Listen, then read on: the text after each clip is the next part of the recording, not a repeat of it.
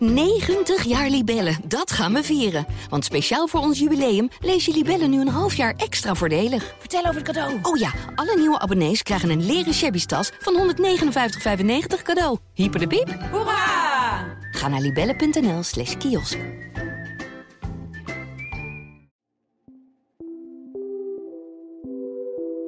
Deze week vertelt Simon hoe hij op zijn 29ste op het punt stond om te gaan trouwen. De bruidsjurk was nog net niet uitgekozen toen hij toch nee zei tegen het huwelijk. Hij gooide radicaal zijn leven om, op zoek naar meer. Gedreven door interesses die hij nooit echt durfde onderzoeken, ontdekt hij nu in Amsterdam langzaamaan wie hij echt wil zijn, zowel op de dansvloer als in bed. Dit is de liefde van nu.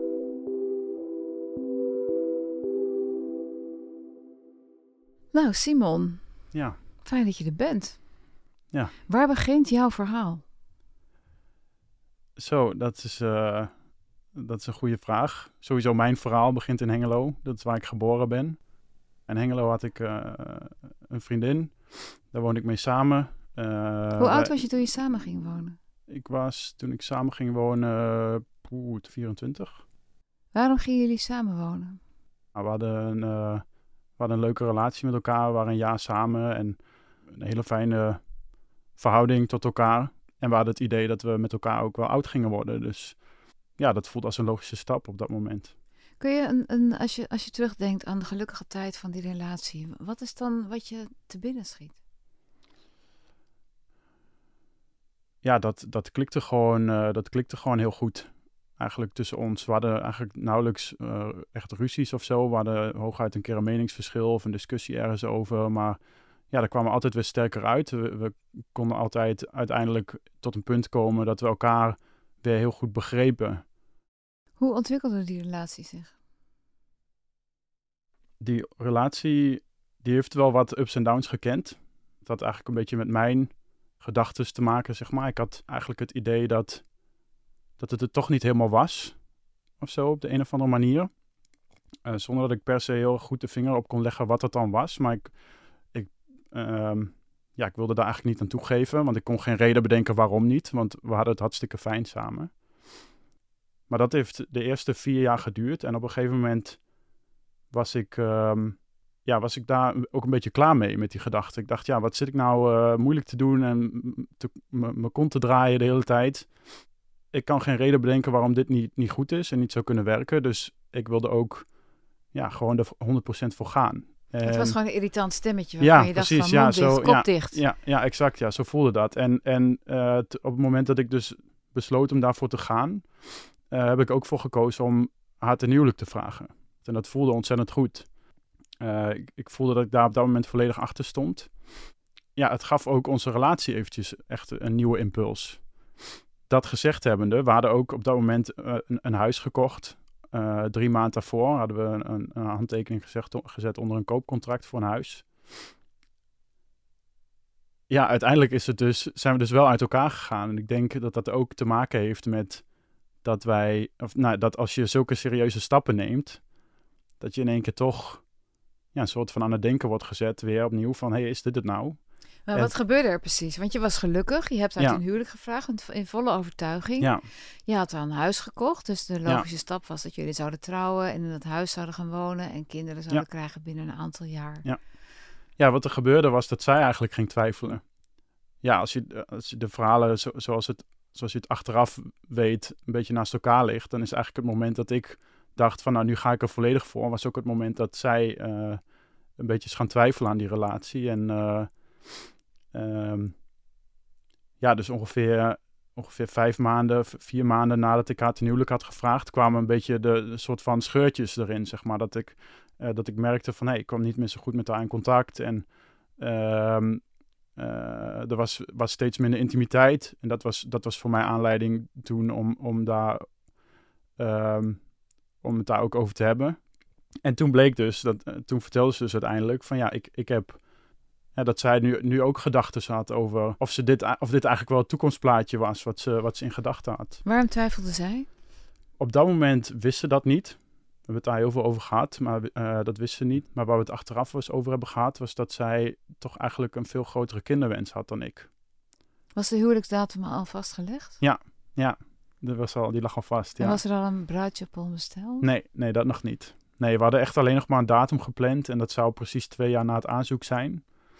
Ehm het voelde op dat moment heel erg kloppend. Want ondanks dat ik zeg maar de knoop doorhakte, was het, was het denk ik misschien eerder voor haar wel ook een soort van opluchting. Want ik weet, niet, ik weet eigenlijk niet meer zozeer of we dit nou zo hebben uitgesproken. Maar mijn gevoel erbij was wel dat ik een knoop doorhakte die zij eigenlijk niet durfde te, door te hakken, zeg maar. Dus, Wanneer kwam bij jou de opluchting?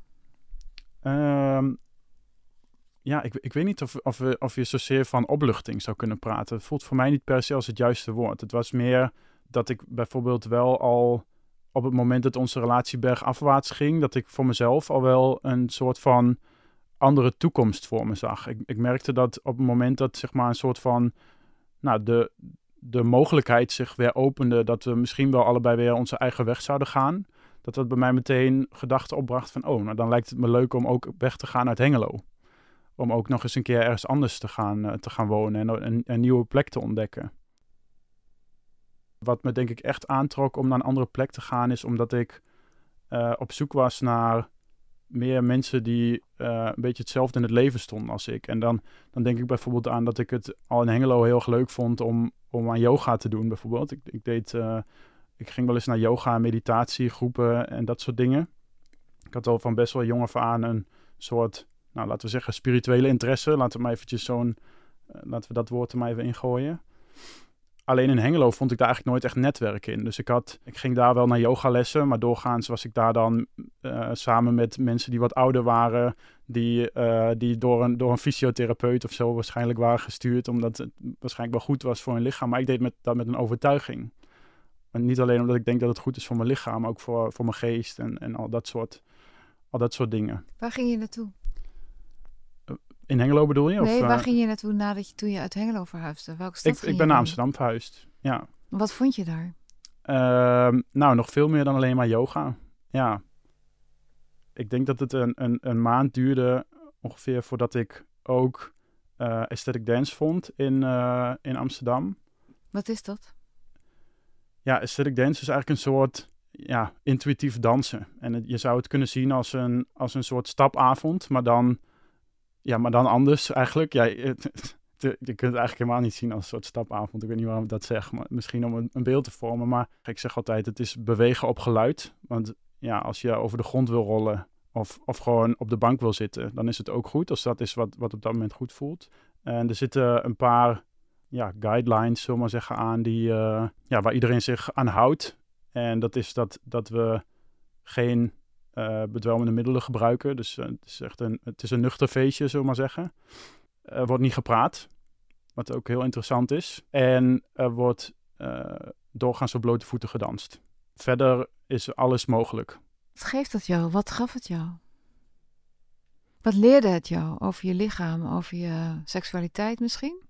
Nou, het leerde mij ten eerste heel snel dat ik bepaalde dat ik een bepaalde vrijheid in mijn lichaam miste. Ik vond het bijvoorbeeld een van de dingen wat ik nog heel goed kan herinneren van een van de eerste aesthetic dances waar ik was, is dat ik het echt moeilijk vond om met mijn armen in de lucht te dansen. Dat op de een of andere manier blokkeerde dat of zo in mijn lichaam. Uh, dus ik ben een stuk vrijer geworden in mijn lichaam. En ja, ik zou zeggen dat het me ook dichter bij een, een soort community heeft gebracht met mensen die op een hele andere manier in het leven staan dan wat ik gewend was. En misschien ook wel waar ik altijd naar op zoek was.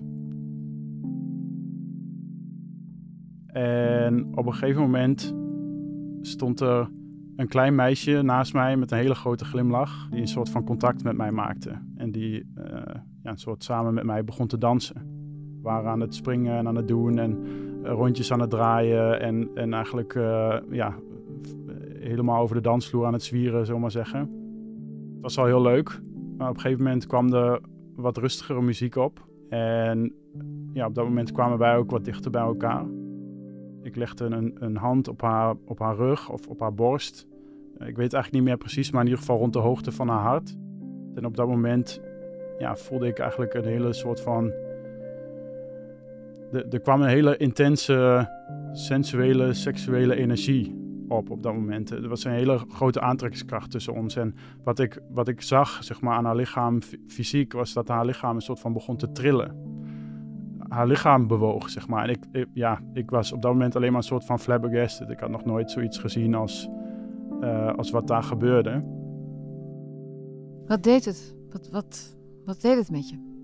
ja, het eerste wat gebeurde bij mij was, wat gebe was waren gedachten van, oh, is dit wel goed, weet je wel? Gaat het wel goed met haar? Maar vrij snel had ik wel in de gaten dat het, dat het heel goed met haar ging. Sterker nog, aan wat ik, wat ik aan haar kon zien, leek het wel alsof ze, eh, leek het wel alsof ze een orgasme had of zo.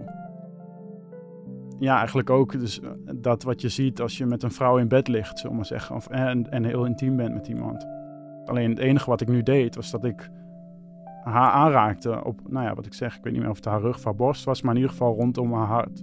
Dus ja, dat was een hele, was een hele maffe gewaarwording eigenlijk, dat dat op dat moment gebeurde. En toen, nou, toen ben ik, het eerste wat ik daar heb gedaan was, ik ben even gaan zitten, want ik dacht, ja, ik was echt gewoon een soort van door overrompeld.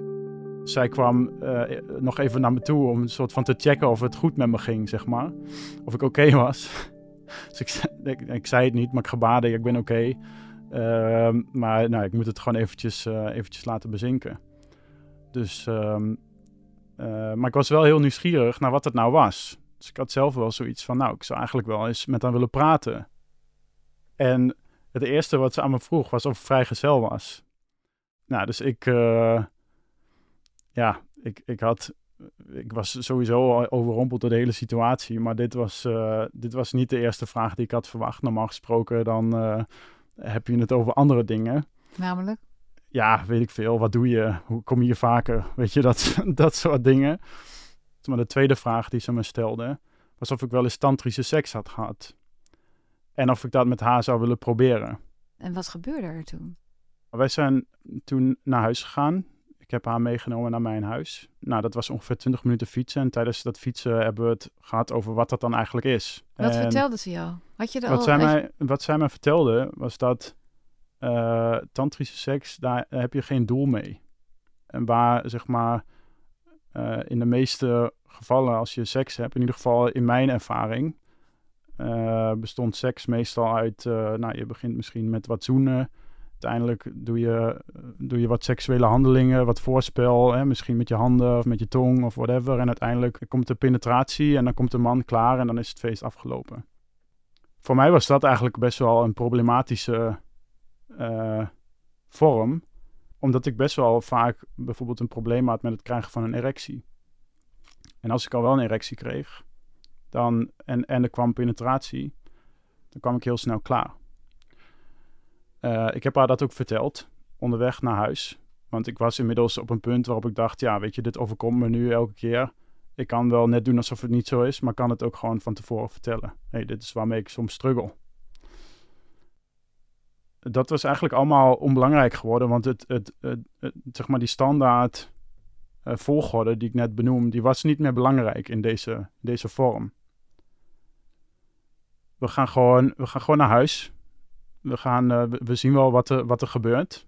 Uh, als we alleen knuffelen is het goed. Als we wel seks hebben uiteindelijk is het ook goed. Alles daartussenin is ook goed. Maar laten we, gewoon, laten we gewoon plezier hebben samen. Wat dacht jij? Het was onwijs bevrijdend. En het, het mooie was zelfs dat al die problemen hè, die ik net beschrijf, die waren opeens geen probleem meer. Want alles deed het perfect die avond. Ik ben niet per se van mijn problemen af. Van, hè, noem nu problemen, klinkt een beetje zwaar misschien. Maar um, destijds was het, voor mij best wel een, was het voor mij best wel een ding. Dat was iets wat me best wel onzeker maakte. Had je dat ook al tijdens die eerste relatie? Met, ja, ja, dat, ja, niet altijd, maar dat gebeurde ook ja, toen. Ja. En toen jij in het begin zei er was weinig intimiteit, was je toen ook bang dat het daardoor kwam? Nee, maar het was niet per se. Het was, ik had wel dat ik ergens onbewust het idee had dat er meer zat nog in, in seks. Ik weet nog dat ik met mijn partner toen uh, wel eens gesprekken had. Als we, hè, als we, vaak was dat dan na de seks. Dat we het dan wel eens hadden over, oh, we zouden dit en dit wel eens anders willen doen. Misschien uh, meerdere standjes uh, proberen in één sekspartij. Of we, we, mijn, mijn vorige partner en ik gebruikten allerlei verschillende soorten standjes. Maar eigenlijk was er altijd tijdens één sekspartij maar één. En dat was dan ook vaak best wel snel klaar. En ehm, heb jij een relatie nu met, dit, met deze vrouw, Ja. met dit meisje? Ja. Hoe oud is zij? Zij is eh, 37. En hoe belangrijk was dat voor jou? Bleek dat voor jou te zijn, dat die wereld open ging? Ja, dat, eh, wat ik zeg, dat heeft mijn, mijn kijk en mijn beleving van seksualiteit fundamenteel veranderd. En ehm, wat ik dus wel interessant vind, is of deze rijkdom aan seks ook een rijkdom aan relatie oplevert. Dat, of je, dat je relatie daar ook rijker mee wordt. Eh, ja, En op wat voor manier? Eh, nou, het is heel verbindend. En dat zit eigenlijk niet eens. Dat zit niet eens per se in de, in de, ehm, in de seks, maar dat zit eigenlijk nog veel meer in het bewust samen ademhalen en eh, een bepaald soort oogcontact maken. Maar jullie doen ook boodschappen met Albert Heijn, zou ik maar zeggen. Eh, soms wel, ja. Zo- Als we wat leuks gaan doen in een weekend, ja. Ja, dan, nee, maar eh, ik bedoel, jullie ja. doen ook nog wel anders, Ja. andere dingen dan die tantra-seks. Ja, ja, ja, ja, ja. Nee, maar ik vroeg me dus af of dat het feit dat jullie die, die, die, die, die, nou ja, die rijkdom, zullen we het dan maar even noemen met die tantra-seks, of dat dan zijn uitstraling heeft op het boodschappen bij de Albert Heijn, zal ik maar zeggen. Ja, nou ja, weet je, want, ja, want oogcontact kun je ook maken in de Albert Heijn. Oké, En, en de- ja, dat is, weet je, dat is dan, dat is bijvoorbeeld, ik was toevallig eh, gisteren nog met haar, nou ja, dat was dan in de Jumbo, niet in Albert Heijn, maar dat is ook een supermarkt.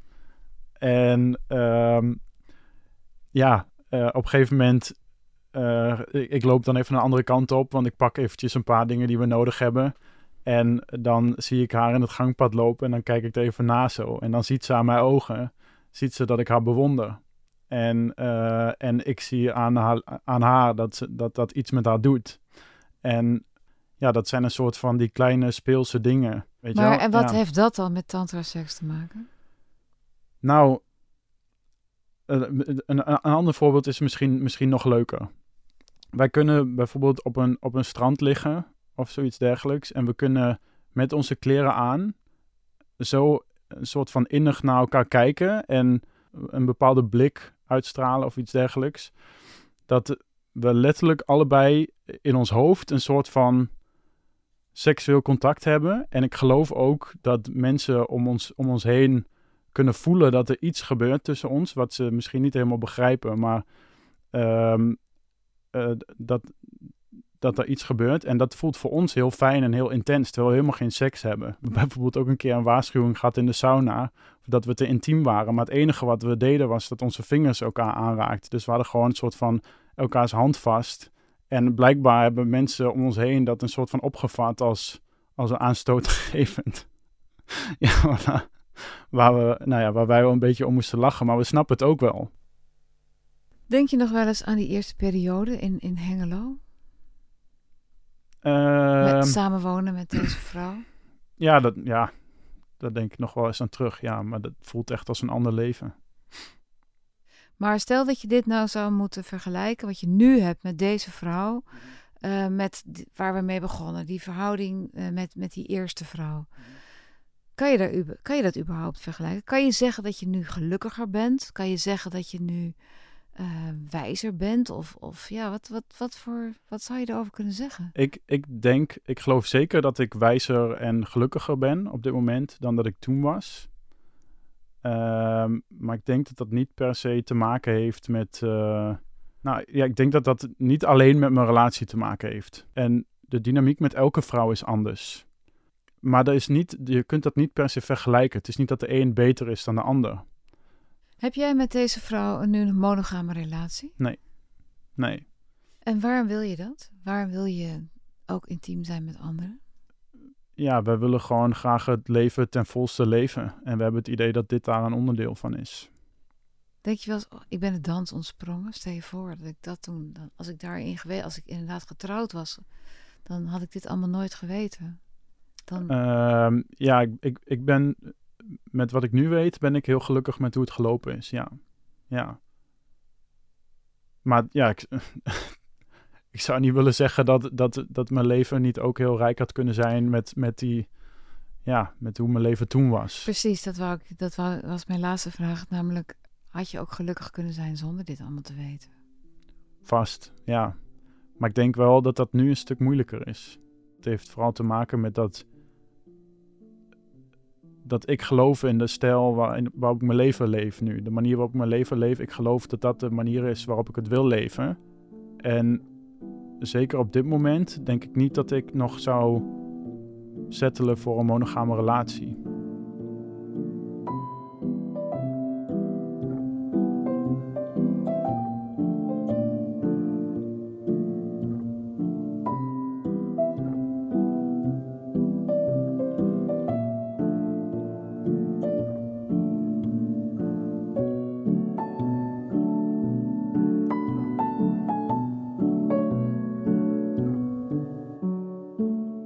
Was De Liefde van Nu, de laatste aflevering van dit seizoen.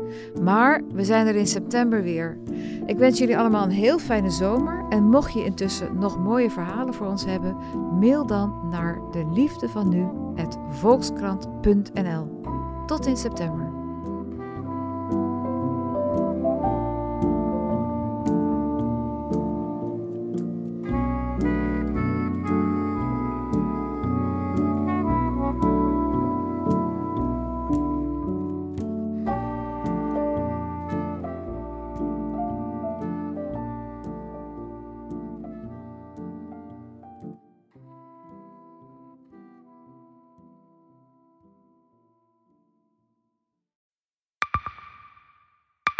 Zijn leven is overhoop gegooid. Plus dat heel veel mensen hem niet geloven. Vrienden niet, die, die denken, ja, hij is gewoon gek geworden. Hoe naar moet dat zijn? Als je vertelt over de meest indringende ervaringen uit jouw leven en niemand gelooft dat je het echt hebt meegemaakt. Ja, ik vind zelf niet dat ik het verzonnen heb, maar sommige mensen denken dat wel. Maar hoe kom je erachter of jij het doelwit bent van een geheime dienst? Ik heb ook wel eens meegemaakt dat je het idee hebt dat inlichtingdiensten in je geïnteresseerd zijn. En dan kun je wel heel veel zien, wat er misschien helemaal niet is. Als ik s'avonds nog iets ging eten, dan volgden die mensen mee naar het restaurant. En dan terug van het restaurant naar het hotel. Als zij op een gegeven moment zei, kijk maar uit, want anders word je dadelijk nog wat voert ook. Shit, ik moet hier weg. Dat is, dat is niet goed. Nu word ik gevolgd. Een soort Truman Show is het gewoon. Hè? Alsof dat hele straatbeeld voor jou is ingericht. Maar dan wel met bedoeling jou, jou niet door te laten. Dit kan geen toeval zijn. Een nieuwe podcast van de Volkskrant. Mijn naam is Simone Eleveld en samen met Huid Modderkolk ontrafel ik een bizarre operatie van de geheime dienst. Wat het doel ook is, jij verliest het. Ik werd opgepakt, heel lang ondervraagd. Maar hoe krijg je grip in een wereld die zo onderzichtig is? Als je zou liegen, dan zou je niet de meest relevante informatie twee jaar later tussen neus en lippen doorvertellen. Er zal nooit iemand zeggen, oké Bart, ik geloof je. Nooit, nooit. Dit kan geen toeval zijn. Vanaf 3 oktober bij de Volkskrant. Ik weet niet of ik ook alles kan vertellen. Het is echt te bizar. Wat? Ehm, ja. 90 jaar Libellen, dat gaan we vieren. Want speciaal voor ons jubileum lees je Libellen nu een half jaar extra voordelig. Vertel over het cadeau. Oh ja, alle nieuwe abonnees krijgen een leren shabby tas van 159,95 cadeau. Hyper de piep. Hoera! Ga naar libellen.nl slash kiosk.